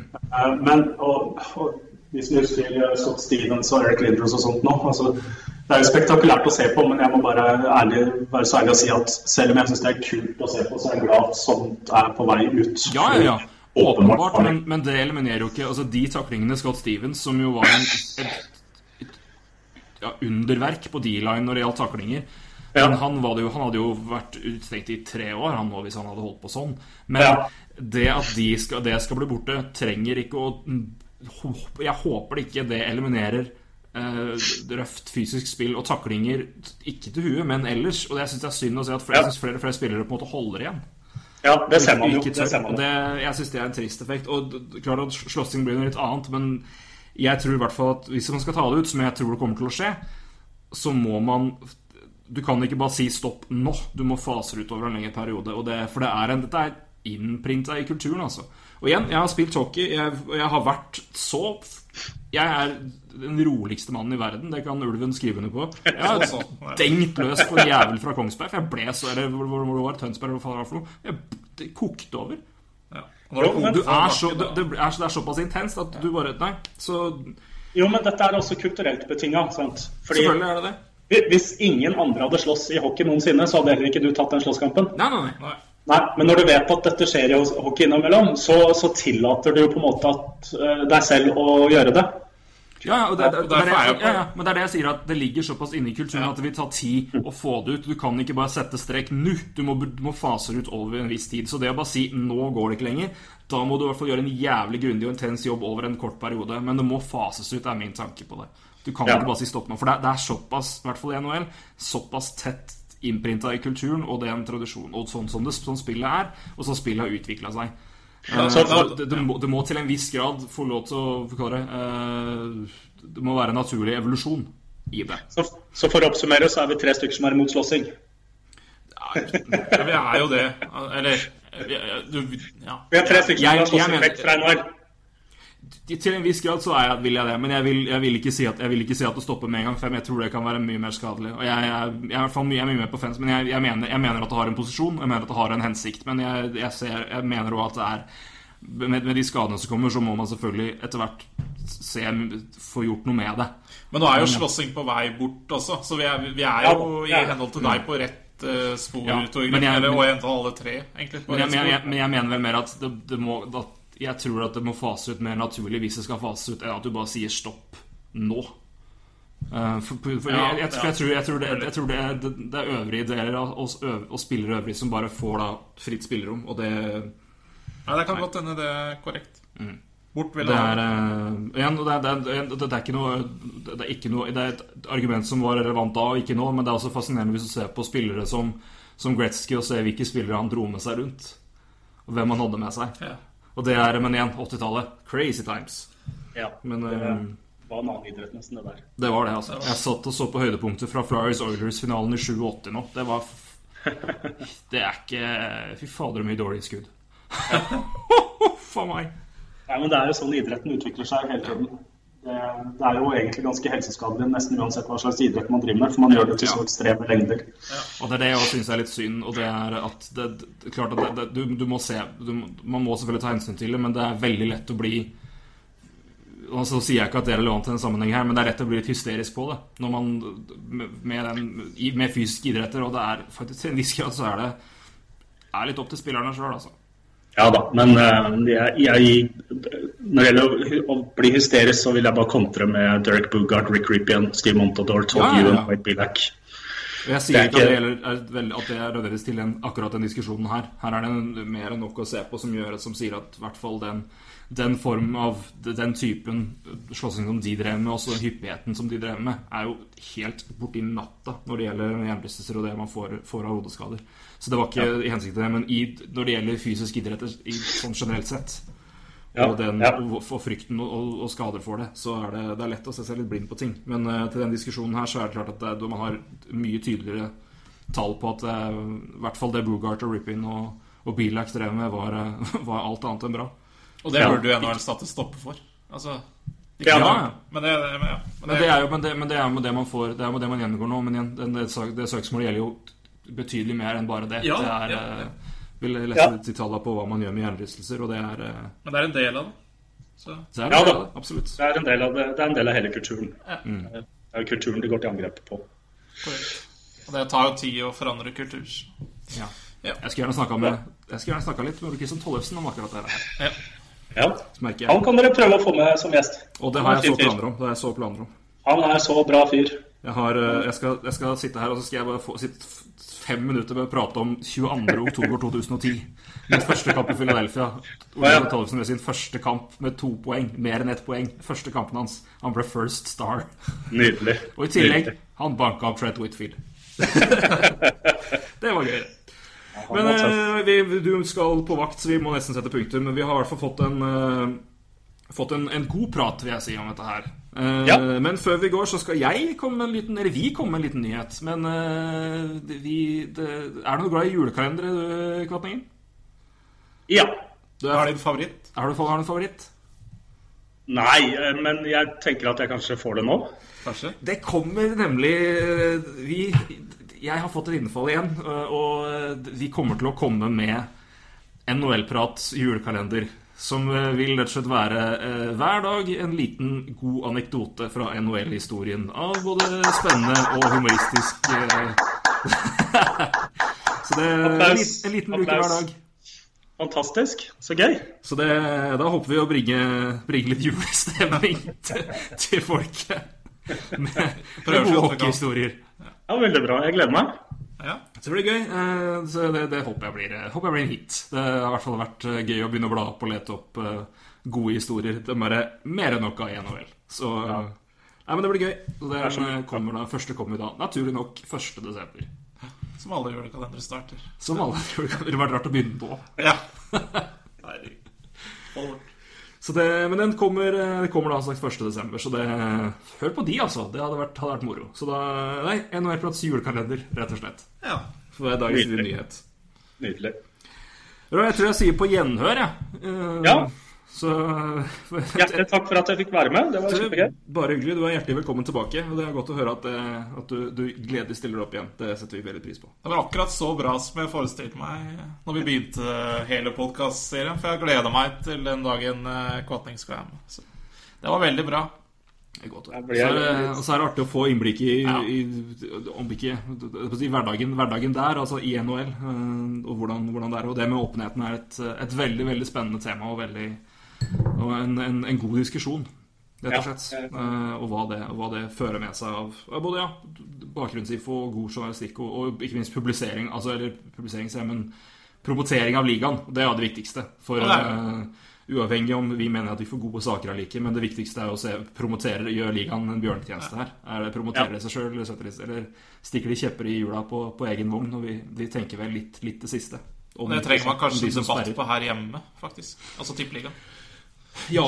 Eh, jeg, Det jeg, det, ene, det eneste jeg frykter med det, er at eh, noen vil tenke, og sikkert også med rette, at det kan bli en litt sutrefest fra uh, angående tilgang. At, at, at, det, at, det, kan- at, det, at man klarer å holde det balansert fra begge sider, og at det ikke blir for det er vel Vi skal vel ha såpass god innsikt om Det er vel ikke alle Det, er vel, man har vel, eh, det finnes, det finnes sære folk på begge sider av den diskusjonen, tror jeg. Ja, det er helt klart. Jepp. Nei, men Nå skal du få slippe, så du kommer deg på vakt i Nettavisen. Så da sier vi takk for denne gang. Tusen takk for at du fikk være med. Så eh, får du lykke kose deg med Penguins-kamp i kveld. Det skal jeg gjøre. Det skal... Han òg. Vi skal kose oss med hockey sjøl. Nå skal vi ha et lite impromptu årsmøte med NHL og øl. Det, det er Ja, ja. litt jul, julebord. julebord. Vi får se, får hvor mange kamper vi ser i kveld. For Det det, blir vel, blir vel noen, tenker jeg. Nei, men eh, Som vanlig, alltid hyggelig å, å skravle hockey med, med deg. Ulven, Og ikke, det var veldig hyggelig å ha med deg igjen, Roy. Så, ha med deg igjen, eller ha med deg, så snakkes vi eh, forhåpentligvis snart igjen. Det gjør vi, vet du. Og vi eh, høres eh, igjen om en ukes tid. Så fram til da sier vi takk for nå, og god hockey. ha det.